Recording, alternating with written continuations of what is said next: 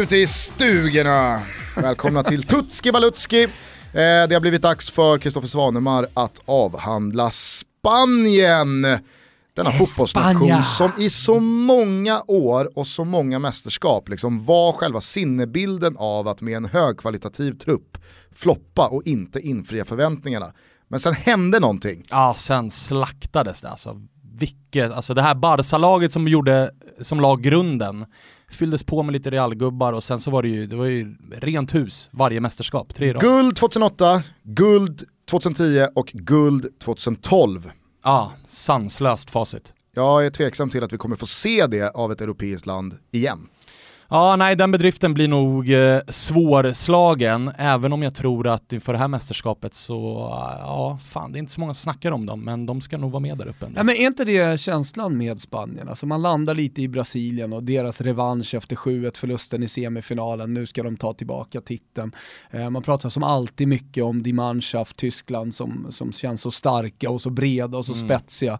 Argentina och Messi, är det inte dags nu? Och... Precis, precis. Eh, och så landar Spanien lite som en så här fjärde, femte val mm. för folk nästan. Mm. Men eh, är inte det också rimligt med tanke på hur man har sett ut de två senaste mästerskapen? Det, ja. det, det återstår att se om det är rimligt eller inte, men, men eh, förväntningarna som du säger, alltså hur snacket går, ja det är jätterimligt. Och jag skulle även vilja påstå att det laget man har idag är ju fortfarande en kärna av det laget som var då.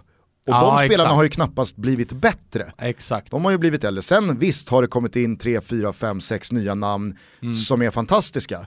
Eh, men känslan är ju att Spanien fortfarande är lite en skugga av sitt forna jag. Ja, exakt, snarare än ett exakt. nytt lag redo att ta över världen. Precis, och vi kommer in på det när vi ska snacka förväntningar, men känslan är ju verkligen att ska de, ska de få till det nu så ska de leva på revanschlustan från förra VM, snarare än att det har kommit nya hungriga. 5-1-torsken mot Holland 2014, det är ju en av de eh, tyngre kölhalningarna man har varit med om i VM-historien. Ja, framförallt med tanke på att Holland var ju inte speciellt bra. Alltså egentligen. Och efter det så har de ju bara blivit sämre. Så mm. det var ju inget Holland på frammarsch som verkligen jo. hade någonting på gång. Och sen när den här... Jag tror de blev brons då. Men... Ja. ja men. det precis men det var inget kanonlag spelmässigt. Nej precis, och 5-1, alltså det var ju, det var ju en slakt. Alltså Arjen Robben fick ju Sergio Ramos att se ut som, eh, jag vet inte, eh, Lars Sätra.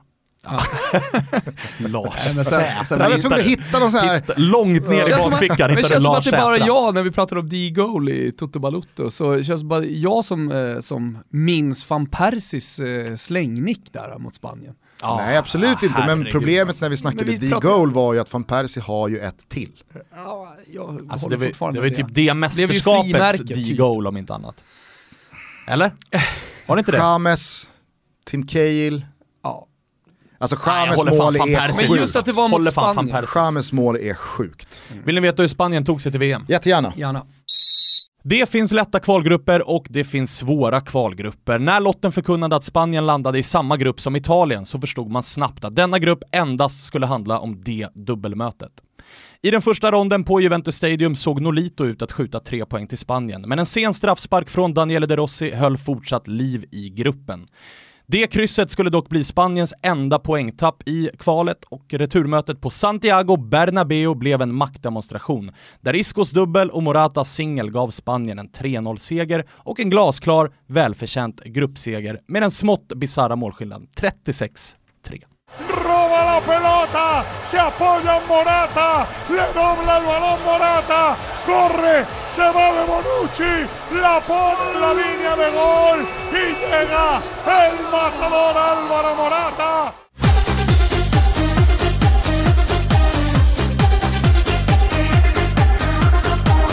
Totalt uh, överlägsna ja. i den här gruppen måste jag säga, även om det som du, som du är inne på här uh, levde till september. Alla väntade ju på den stora matchen, vilka kommer vinna gruppen, vilka kommer få kvala. Uh, så var Italien naiva, visserligen ett svagt italienskt landslag, men alltså den styrkedemonstrationen som Spanien står för på hemmaplan, på Santiago Bernabéu där, den är otrolig. Och jag tror, att, jag tror faktiskt, i och med att det blev 4-0 så otroligt starkt, så krossade man eh, italienarnas självförtroende så att man liksom vidare i kvalet eh, var man ju dåliga. Och sen Ah, även i exakt. playoffet, alltså, så att hade, hade, hade det blivit 1-0, 2-1 i den matchen, så kanske, kanske italienarna gått in med en lite annan inställning, större självförtroende. Sen så tror jag också att hade Italien städat av Sverige i playoffet med totalt 3-0 och gått till VM så hade ju Spaniens kval mot Italien och i den gruppen förstärkts ytterligare. Nu är det ju nästan så att man undrar, jo jo men hur bra var Italien då? Vi slog ut dem på Ja, lite så. 180 minuter i ett playoff. Så att det kanske inte var liksom, nu är det the battle of the beasts här, utan Spanien är så här mycket bättre än Italien. Ja exakt, exakt, verkligen. Eh, för det Italien som var då, det var ju som Thomas säger, alltså, det, det vart ju det vart ju tydligt då att klasskillnaden var ganska stor och Italien åkte ju på eh, poängtapp senare också mot Makedonien i gruppen. Övriga lag i gruppen var ju Albanien, Israel, Liechtenstein, så det var ju förutom Spanien och Italien en ganska dassig grupp. Eh, jag eh, skulle vilja påstå att Spaniens förbundskapten är, sett till vilket uppdrag man har i världsfotbollen, den kanske mest anonyma vi har. Mm, verkligen. Julien Lopetegui. Lopetegui, Lopetegui. vem är den här kusen? Ja, exakt. Det är en gammal målvakt som faktiskt har spelat för både Real Madrid och Barcelona. Mest suttit kvist i båda, men ändå anmärkningsvärt att han har tillhört eh, båda de storklubbarna. Som tränare har han tagit den långa vägen genom spanska U17, U19, U20 och U21 innan han nu tagit över efter legendaren Vicente del Bosque. Att det är landslag som julen ska ratta råder det inga större tvivel om, för innan han tog över det spanska landslaget, alltså mellan de här U-åren och eh, spanska A-landslaget, så var han i Porto och där floppade han ju rejält. Inga titlar, däremot så skrev han in sig i historieböckerna eh, genom att kamma hem den största europeiska förlusten Port Porto-tränare varit med om. De har torskade med 1-6 mot Bayern München. Meritlistan är rätt skral, det är däremot eh, dubbla EM-guld på U19 och U21. Så att, eh, det är ingen eh, det är ingen stortränare ännu, utan det är en tränare som har gått verkligen den långa vägen i det spanska förbundet. Det här är Men- Spaniens Billborn. Fast det man ska säga kring det är ju att det är U-guld som jag liksom, överlag inte brukar lägga så stor vikt vid. Men han har ju tagit de här gulden med en hel del spelare som idag är A-landslagsmän. Ja, exakt. Och det är ju ändå någonting tycker jag i alltså, relationen förbundskapten spelartrupp. Alltså det finns någonting att bygga vidare på. Verkligen. Alltså han känner ju spelarna väl och kommer in liksom och har bra koll på den spanska fotbollen generellt. Så att det, på så sätt är det ju... På ju- talangerna, men det här har man ju sagt i förbundet också när man anställde honom, just, just eh, det du är inne på Gusten, att, att han kan de här. Och det är ju en liten generationsväxling också i den spanska truppen som flera av de stora nationerna faktiskt eh, i VM har gått igenom de senaste åren. Ja, men jag är helt övertygad om att hade det blivit Håkan Eriksson som tog över efter Erik Hamrén så hade ju A-landslaget för Sveriges del idag sett lite annorlunda ut. Alltså då hade Absolut. fler spelare från den U21-generationen varit bärande startspelare i A-landslaget. Inte för att Engvall hade varit där, men jag tror att Carlos Strandberg, en sån spelare, hade haft en betydligt större chans. Ja, eller kanske framförallt då Hiljemark, eh, alltså vi hade haft Från- eh, Guidetti Guidetti hade varit hade given, given. Du hade haft fler spelare i backlinjen. Nu, nu, alltså här- Tibbling hade varit i en 23-trupp. Tibbling hade varit med, absolut. Så att eh, det är väl bara Abbe Khalili som till slut hade fallit bort på grund av Baffo hade kvalitet. haft det tufft också. Säg inte det. Hade nog kunnat vara där ändå alltså. Vad hänt med Baffo? Eh, Karlgren hade ju varit en av tre målvakter. Ja, det tror jag. Most tror jag. def. Det tror jag. Så att, eh, ja, men det är väl ändå eh, någon slags USP i de här U-gulden. Ja, precis. Om man ska ta någonting ifrån det så är det väl kanske det. I övrigt så är jag helt med dig på att eh, jag lägger ingen större vikt vid att, jag ser det inte som en superstor merit att ha vunnit guld på U-sidan, framförallt inte när det är med Spanien som ju är det landet som är bäst i världen på att fostra unga spelare. Hur många spelare har man egentligen med från de där U-gulden? Det skulle man ju vilja veta exakt. Ja, Alltså det är lite det som har varit eh, snackisen också, att det, det är en del spelare som är, som är petade. Eh, om vi ska gå direkt till snackisen och ta det i den ordningen. Ja, det kan så, vi göra. Så, så är det ju just eh, petningarna eh, utav till exempel då Morata, eh, Alonso, Pedro i Chelsea, Fabregas, Cajon, som ju inte är eh, med. Vilken jävla deppig Chelsea-delegation. Ja, Alltså Marcos Alonso, Pedro, Fabregas och Morata. Alla fyra petas. mm. Vilken bläcka man måste ha tagit ihop Ja, det måste man när truppen kom. Är du med? Nej. Och du sen finns ju dessutom... eh, Du då? Nej. Nej, inte jag heller. Dessutom eh, Sergio Roberto i Barcelona, trots Carvajals eh, skada här i Champions League-finalen så vart det ju eh, Carvajal som kom med i truppen. Så att det, snacket kring laget är alla de här petningarna som har varit, att han har ändå tagit ganska tuffa beslut, vilket ju är fullt rimligt när det är en så pass så pass många bra högkvalitativa spelare som Spanien har.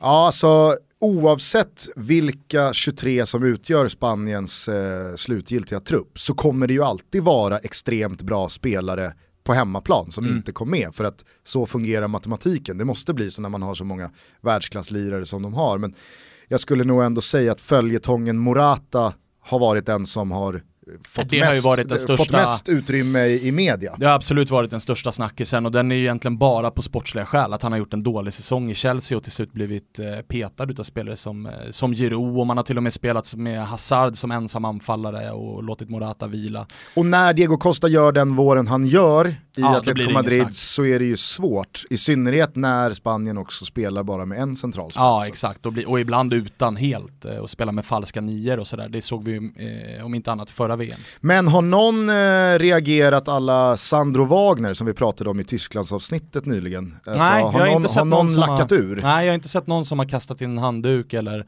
eller gått ut och varit så extremt kritisk, utan det kanske är det, man har stängt av mobilen och tagit en bläcka ihop istället då.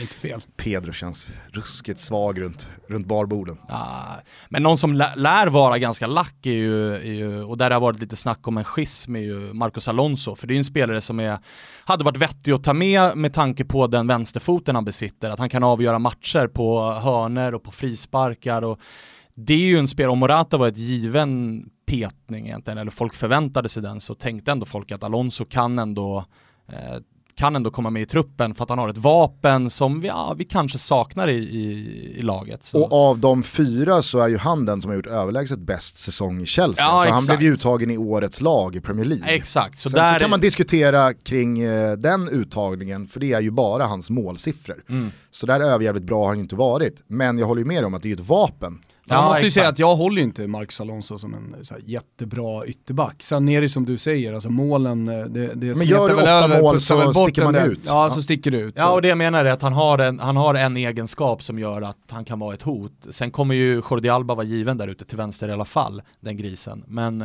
ja, det är en tuff petning. Carvajal på ena kanten och Jordi Alba på andra alltså.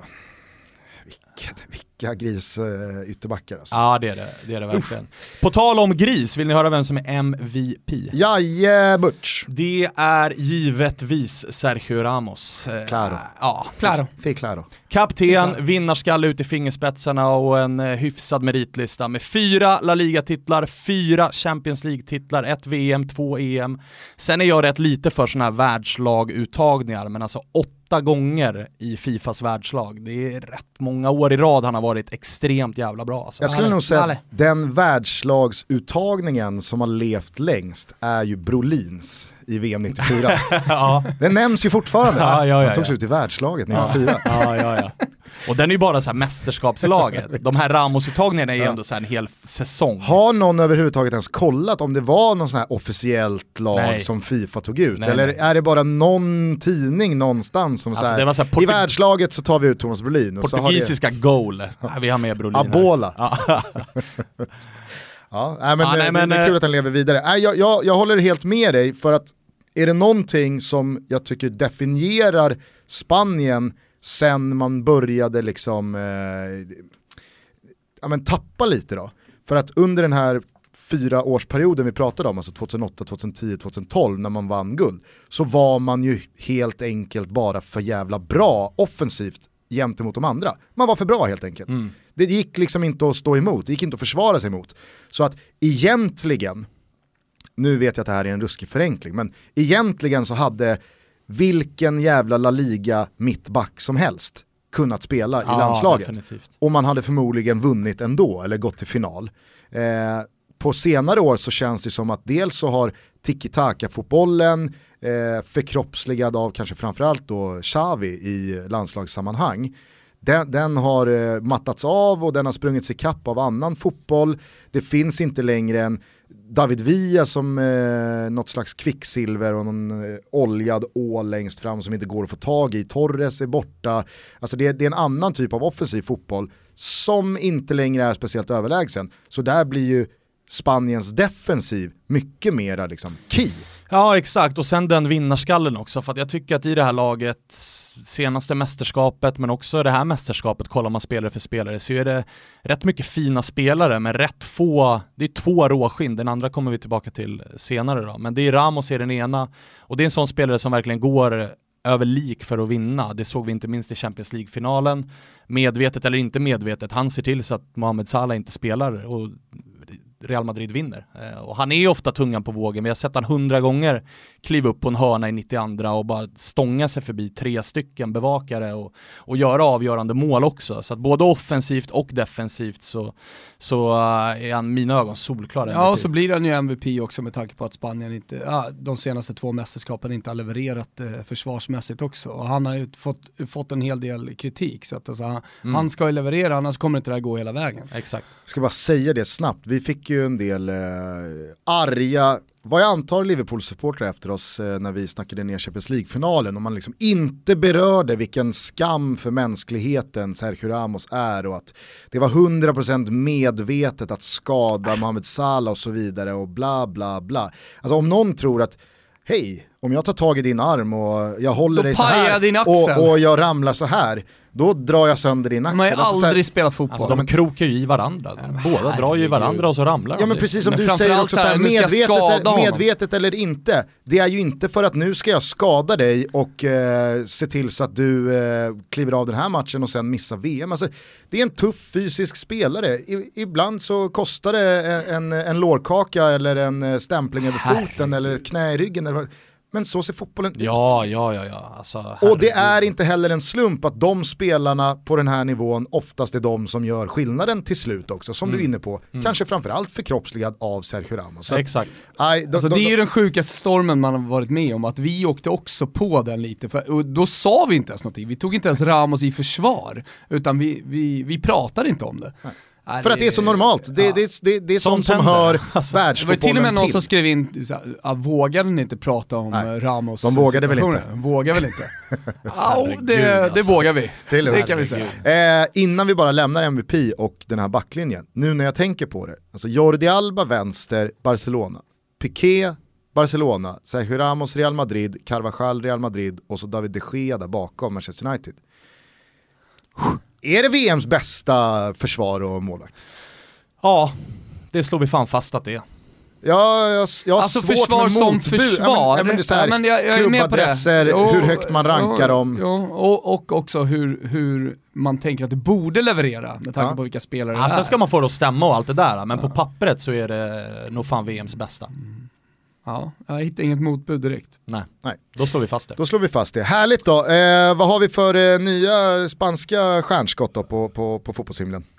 Ja, det är ju en, som Thomas var inne på, alltså det är en generationsväxling som inte riktigt, eller som ni båda var inne på, en, den har inte riktigt flugit den här generationsväxlingen ännu, men det finns ett par unga spelare som ändå är värda att nämna. Dels så såg vi ju ytterbacken Odriozola från eh, Real Sociedad göra mål här i en träningsmatch. Claro. Jag tänker inte säga vilka det var Nej. mot, men det kan ni nog lista ut. Asensio finns ju där också.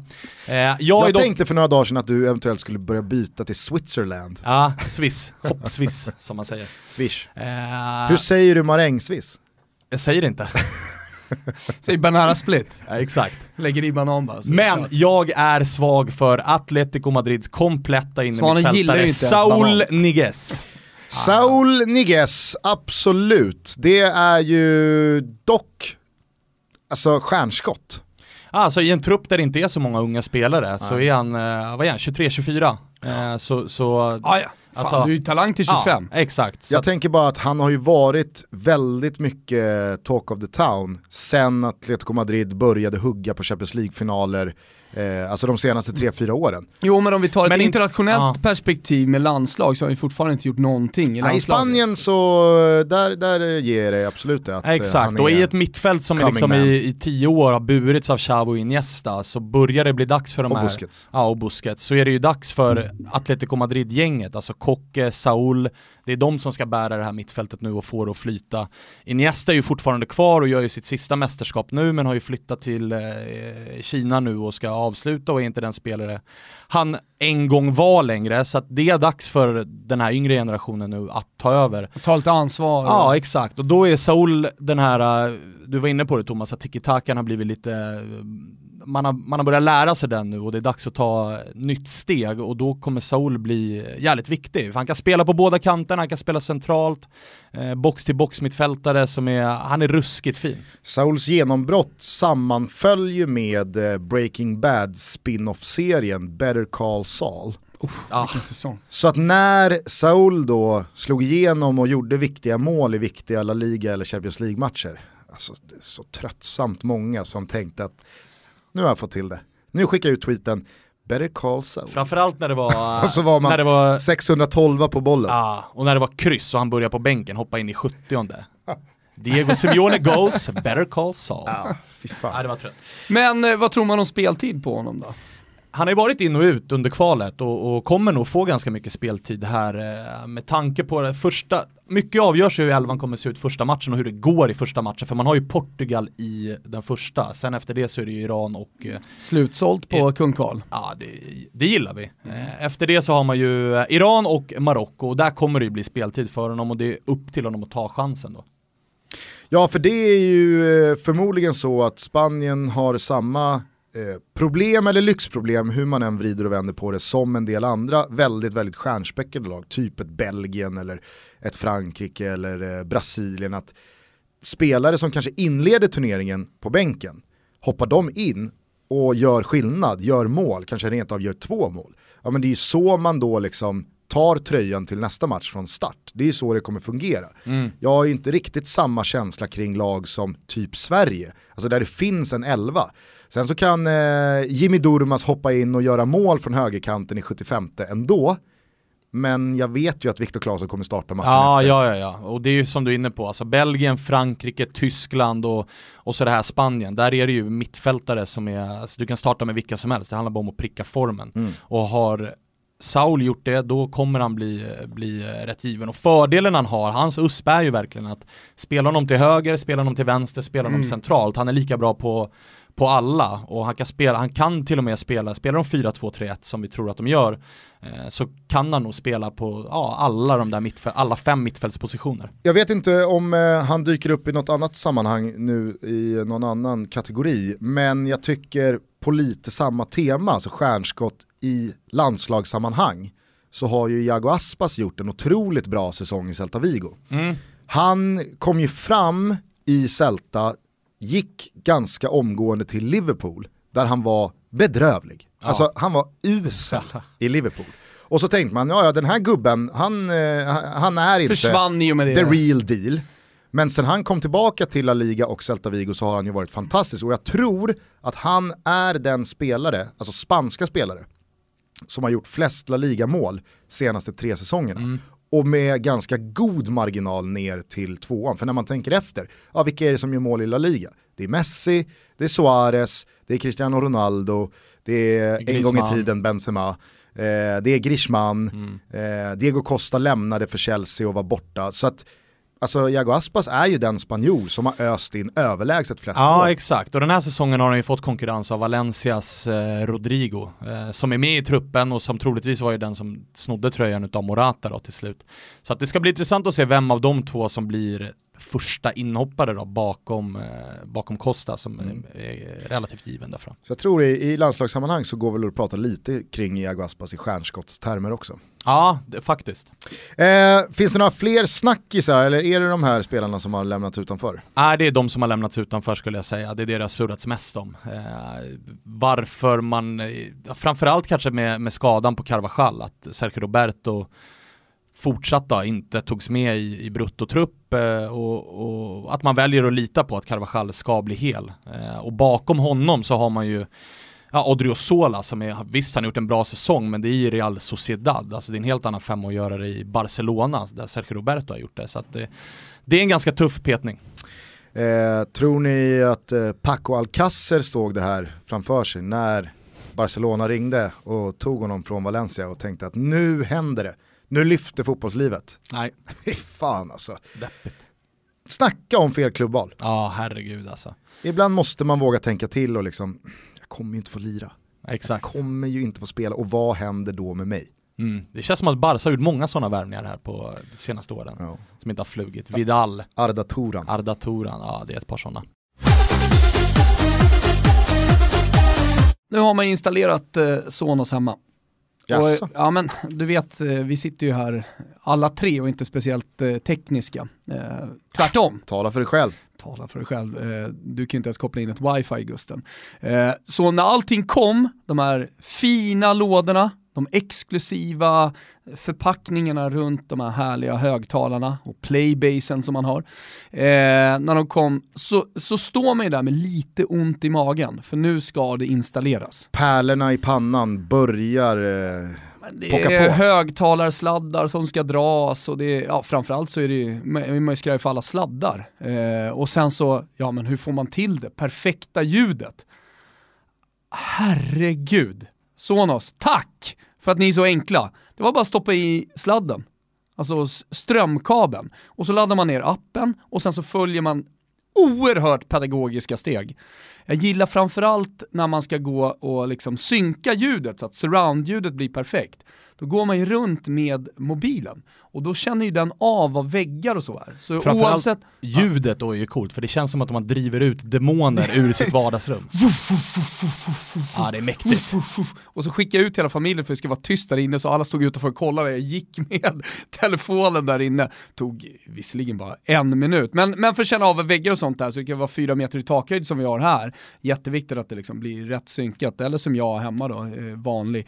Patrik Sjöberg höjd, 2.42. Så från 0 till 100 är det att koppla in en sladd, trycka på en Ja. knapp med eh, appen nedladdad och sen så är det bara att tuta och köra. Ja, sen har du toppljud du kan, och så kan du då växla mellan tv, Spotify, hur enkelt som helst i Sonos-appen också. Den tar liksom in, ja, till exempel Spotify, in i sin egen app där du kan då eh, ja, justera om du, om du vill justera någonting, byta låtar och så vidare. Fan vad skönt det ska bli då att eh, installera de här grejerna hemma hos sig själv utan att eh, ens bli fuktig i pannan. Ja, Du kan, in, inte ens du Gusten, kan misslyckas, men eh, gör, det till, eh, gör det till nästa avsnitt så ska vi se hur det har gått. Ja, vi får väl se. Tack till Sonos i alla fall för att ni är med i Tutski Balutski och eh, hjälper oss att ladda inför VM. Vill ni läsa mer om eh, dessa fantastiska produkter så gör ni det på sonos.se.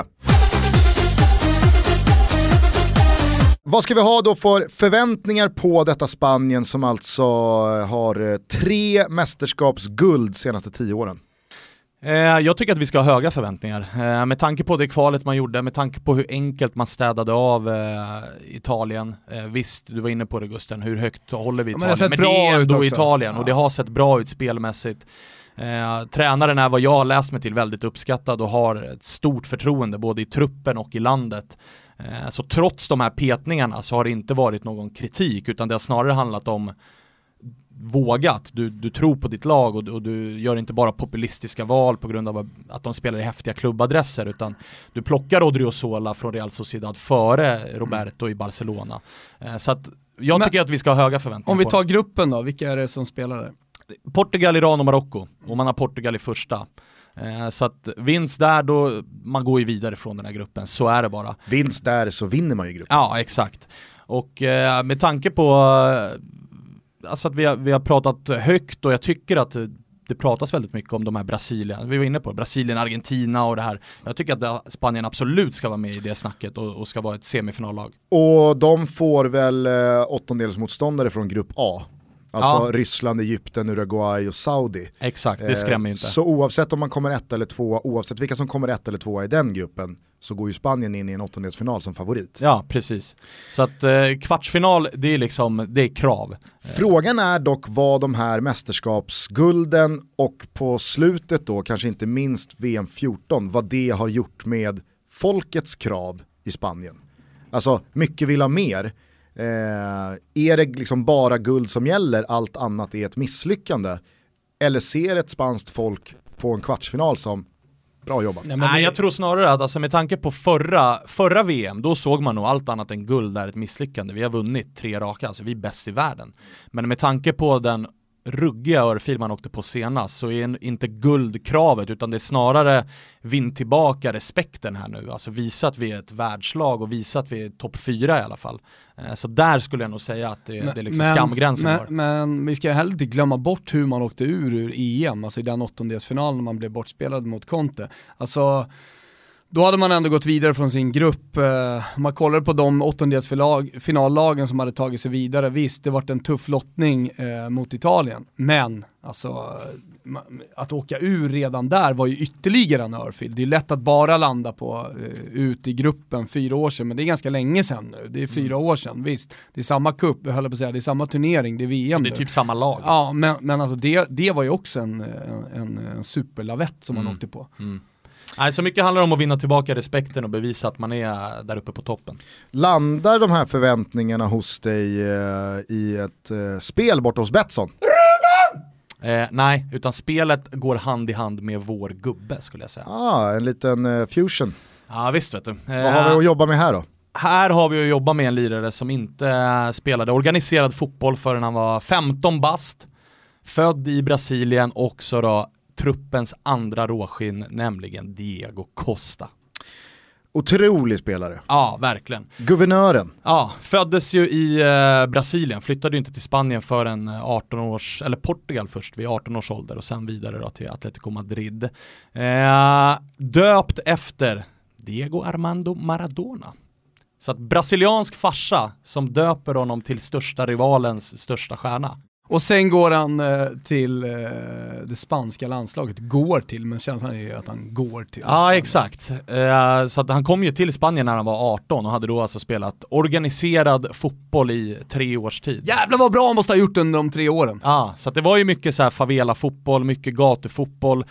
Och det här, han är ju känd för att vara strulpelle såklart, alltså knocka folk och så. Det inleddes ju, hans första klubb när han var 15, en brasiliansk eh, klubb, förortsklubb, vart han ju avstängd direkt ett halvår för att han knockat en motspelare och sagt ett par fula ord till domaren. Så att hans karriär inleddes ju som den egentligen har fortsatt med, med rätt mycket stök. Men det finns ju några sådana här spelare som har ett rykte kring sig att ah, det här är en tickande bomb och det här är en bråkstake och här kan det smälla när som helst. Eh, och därför så borde det finnas typ, alltså du är inne på Sergio Ramos, han har väl 47 röda kort i karriären. Alltså typ inget skämt, han har 47 ja, röda det är kort. helt sjuka. Eh, Diego Costa, jag vet inte fan om han ens har fått sitt första Men röda kort. Lite... Alltså, länge, länge, länge så var det ju liksom banditen Diego Costa på topp, han tjafsar med alla och han har väl typ 350 gula kort. Men han fick aldrig det där röda kortet för att han vet exakt var gränsen går. Han vet när man måste backa några, några procent för aldrig... att det inte ska dras upp ett till gult kort. Men det finns ju många red. konkurrenter, eh, eller supportrar, eh, supporterkonkurrenter till Chelsea eh, som har varit oerhört lacka eh, under hela hans tid där. Mm. Ja, ja, men han går ju alltid dit och trycker dit skallen men han trycker ju aldrig av så att det blir en dansk. Liksom, ja, men utan... vet att eh, den gamla mittfältaren Robbie Savage, han mm. hade ju också det där att ja, men det, han, det är en jävla dåre. Mm. Han är brutal och han måste ha blivit utvisad 50 gånger i karriär. Aldrig rött kort. Och alltså nu, nu kommer säkert folk rätta mig och det, det, jag, jag, vill minnas att vi har pratat om det här någon gång tidigare och att någon då skrev, jo men han har ett rött kort eller han har fått två röda kort. Hur som helst men borde han ha 25. Hans mängd, hans totalsumma av röda kort överensstämmer ju inte med hur han spelar fotboll och verkligen hans inte alltså. rykte. Men eh, att han börjar spela organiserad fotboll så sent i eh, livet, det, det sammanfaller ju väldigt väl också med att han var en late bloomer. Alltså, ah, ja, ja. Han slår ju igenom i Atletico Madrid som 25-åring. Ah. Och Exakt. dessutom så var det ganska uppmärksammat där att det, det, var Diego Costa som skulle ta över efter Falcao. Och när han hade flugit och gjort så bra så var det ju många som kanske inte riktigt trodde på Diego Costa för han var ju vapendragaren åt Falcao. Visserligen gjorde han kanske 12-13 mål per säsong eh, bakom honom. Eh, men man trodde inte riktigt på att han skulle kunna ta klivet upp eh, och verkligen axla rollen som Atletico Madrids stora skyttekung. Men det gjorde han ju direkt. Ja, otroligt bra spelare och just det där som vi var inne på att Spanien har bytt skepnad. Mm. Det här är ju Diego Costas tid.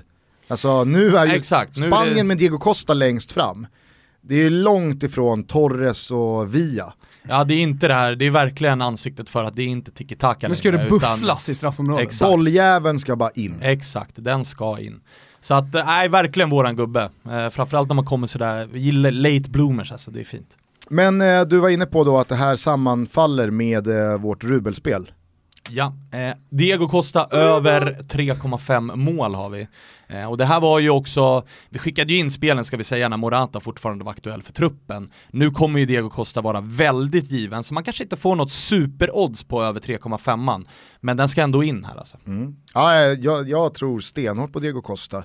Enda jag sitter och fnular lite på, vem tar straffarna i detta Spanien? Mm, den är nog fan lurig alltså. I och med att alla typ spelar i ett lag som antingen innehåller Messi eller Ronaldo, så finns det ju inga givna straffskyttar. Nej, det kanske är Sergio Ramos då? Och då vet vi, alltså jag tror att Sergio Ramos... Eh, han är bra på att skicka dem alltså över. Han har ju under 50% i eh, liksom straffar och att det ska bli mål på dem. Ja, vi hoppas ju att det är Diego Costa då. Har man sett Diego Costa slå en straff? Jag gillar ändå att vi drar ner brallorna här och blottar vår kunskap kring straffskyttar i Spanien. Men, men jag gissar, för jag tror att det är så, att man inte har en tydlig straffskytt också. Utan att det är for, for the occasion. Ja. Kanske. Hetast. Eh, vi hoppas väl att det blir eh, Diego Costa då, att han kan eh, skicka in ett par kassar. Ni hittar Rubelspelet på Betsson.com under godbitar och boostade odds. Så när ni är inne där och kikar igenom eh, rublarna, varför inte lägga ett spel på valfri VM-marknad, ah, 100 kronor innan eh, det drar igång 14 juni, och då fylla i ert VM-tips, där alltså den korrekt rad ger 250 miljoner. Det är bara att sätta vilka som går vidare från gruppen. Svanemar har gett facit här. Ja. Vi har ju snackat om Portugal tidigare, de går inte vidare. Exakt. Spanien går uppenbarligen vidare eh, efter det här avsnittet. Eh, och sen gör man så i alla grupper och så sätter man slutspelsträdet, sen har man 250 miljoner, miljoner eh, riksdaler. Kommer du ihåg i huvudet eh, hur man räknar pesetas? Eh, nej, jag är ju ruggigt vass på liren va. Tusen lire, fem du, kronor. Fick, fick, du det sagt? Ja, nej men pesetasen kan jag inte. Pesetasen kan jag inte. Ja men vad tur att du kan räkna lire i alla fall. Ja, ja, eh, helt onödigt för detta Spanien-avsnitt. Ja. Eh, bra jobbat Svanen! Tack! Eh, vill ni oss någonting så finns vi i hashtaggen Tutskibalutski eller är det bara att skriva till oss då på sociala medier. Ja, Fan, eller fortsätt lyssna. fysiskt Gusten. Ja, alltså om man vill oss någonting, ja då kommer man ju till kung Karl, man går in på tuttobalutto.se, bokar sin biljett, det börjar fyllas på rejält här nu. Spanien, eh, Portugal som är vår premiärdag, är ju redan full. Det är lapp folk- på lucka där. Det är lapp på lucka, så det sjunger om det, men det finns ju hur många fina tillfällen som helst och anledningar till att komma till oss och parta loss på kung Karl och ta en cigg på balkongen. Och vi vågar väl nästan lova att Spanien kan man se under slutspelet. Spanien kommer man också kunna se under slutspelet, jag har sett att folk har börjat boka kvartsfinaler och så redan. Så att, eh, Och vi kan väl och bara säga plats. det för att det är en del som har undrat, varför kan man inte boka några åttondelsfinaler? Vi har ju valt att ha lite is i magen för att ha de bästa åttondelsfinalerna rent kvalitativt. Mm. Alltså inte chansa på hur det borde bli Vi kör eh, och då boka två datum och så står vi där med Mexiko och Iran och ingen, ingen tycker det är kul överhuvudtaget. Nej exakt, ja, men det, det, det kommer bli sånt drag på kung Karl så jag tror att många kommer bli rätt sugna på, på slutspelen när man ser hur trevligt vi har det. Men vi kommer köra två av fyra åttondelsfinaler, eh, eller två av fyra åttondelsfinalsdagar på Kung Karl. Mm. Så man får, helt enkelt, man får helt enkelt hålla lite utkik. Ja, ja, hörni, eh, Tutski Balutski är slut för den här gången. Vi hörs Valle, valle. imorgon igen. Återigen, bra jobbat Svanen. Tack! Tack så mycket, Nazdrovje. Nazdrovje. Nazdrovje. Would you dance if I asked you to dance? Would you run and never look back? Would you cry if you saw me crying? And would you save my soul tonight? Would you tremble if I touched your lips? Or would you laugh? Oh, please tell me this. Now, would you die for the one you love? Hold me in your arms tonight.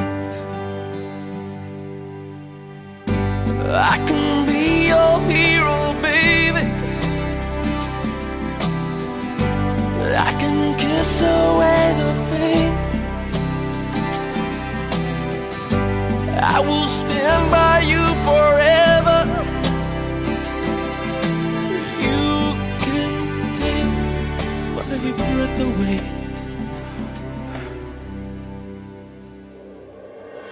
Would you swear that you'll always be mine? Or would you lie? You run and hide? Am I in too deep? Have I lost my mind?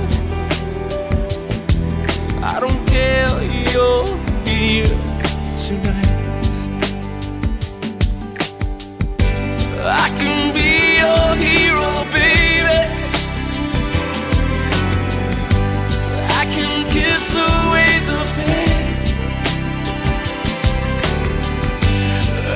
stand by you.